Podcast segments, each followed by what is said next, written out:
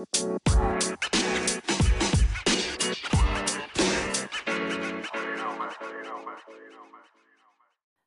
słuchajcie, to będzie bardzo szybki e, odcinek, podcast. E, chciałam tylko wyjaśnić, dlaczego mnie ostatnio nie ma w ogóle i zniknęłam trochę z Instagrama i, i tutaj nie pojawiają się nowe odcinki.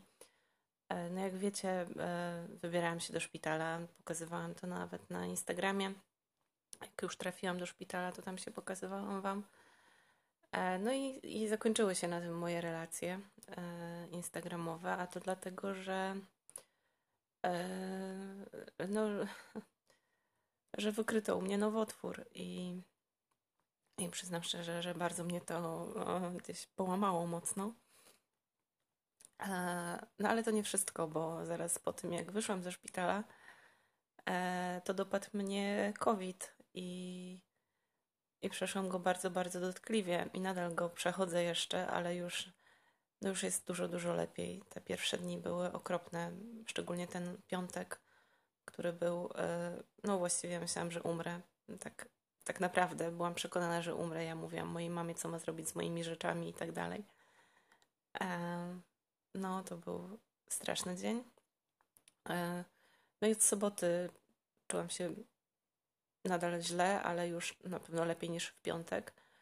Właściwie się nie ruszam z łóżka i no ale jestem jakby już, jestem już mocniejsza, już mam nadzieję, że najgorsze jest za mną. Bardzo się cieszę, że, że moi rodzice nie, nie przejęli tego ode mnie. E, co zresztą bardzo dziwne, bo moja mama praktycznie cały czas była przy mnie. No bo początkowo jeszcze nie wiedzieliśmy, co się ze mną dzieje. Dopiero w poniedziałek miałam test, a, a w piątek działy się najgorsze rzeczy. A więc tak, więc y, no, więc y, trochę się dzieje. No i poza tym przede mną jeszcze prawdopodobnie przed świętami, w zależności od tego, jak, jak ta moja choroba, jak ten COVID się rozwinie, czy, czy po prostu zaraz zgaśnie, e, no to jeszcze czeka mnie szpital i, no i decydowanie o tym, co, co robimy z tym nowotworem. E, to jest 12 mm, 12 mm guz przesadki, więc całkiem spory. Ja teraz jestem na lekach e, uspokajających, także mogę być taka trochę lejąca się, no ale przynajmniej nie ryczę, tak jak przy każdym odcinku podcastu. Co dziwne, bo pewnie powinnam dzisiaj właśnie, mam prawo do tego, żeby ryczeć tutaj. No, więc, więc tak to wygląda u mnie i mm, no nie powiem, że mnie nie dojebał i nie dojechał ten, ten miesiąc.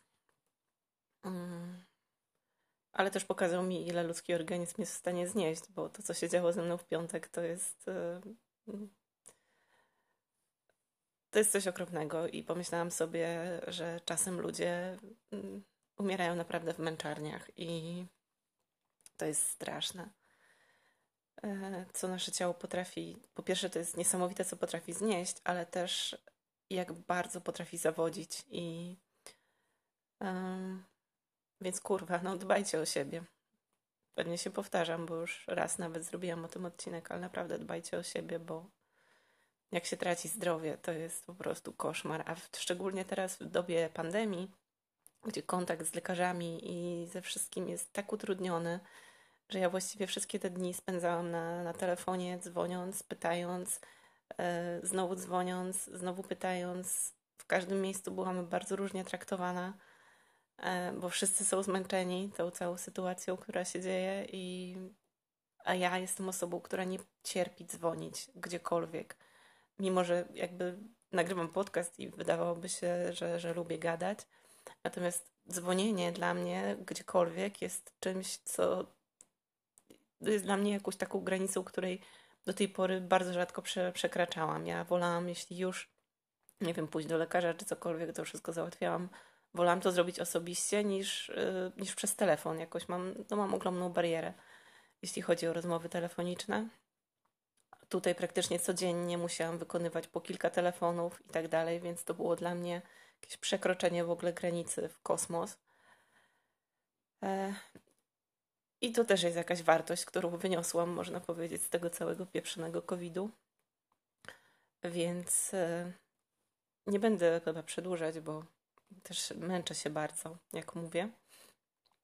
Myślę, że mam trochę też zmieniony głos, ale, ale może trochę ciszej pewnie mówię.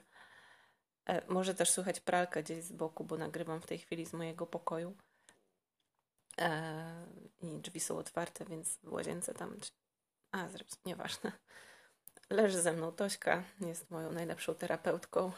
Właśnie tutaj przyszła. Moja mała. Więc tak, trzymajcie kciuki za mnie.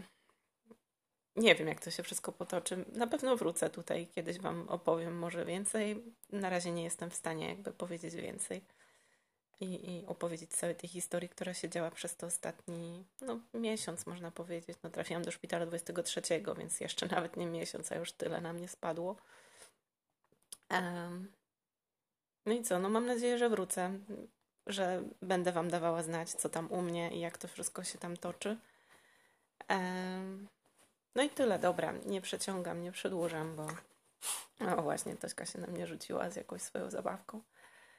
Dobra, no to co, trzymajcie się mocno. Jak możecie, to trzymajcie za mnie kciuki, żeby jakoś to było.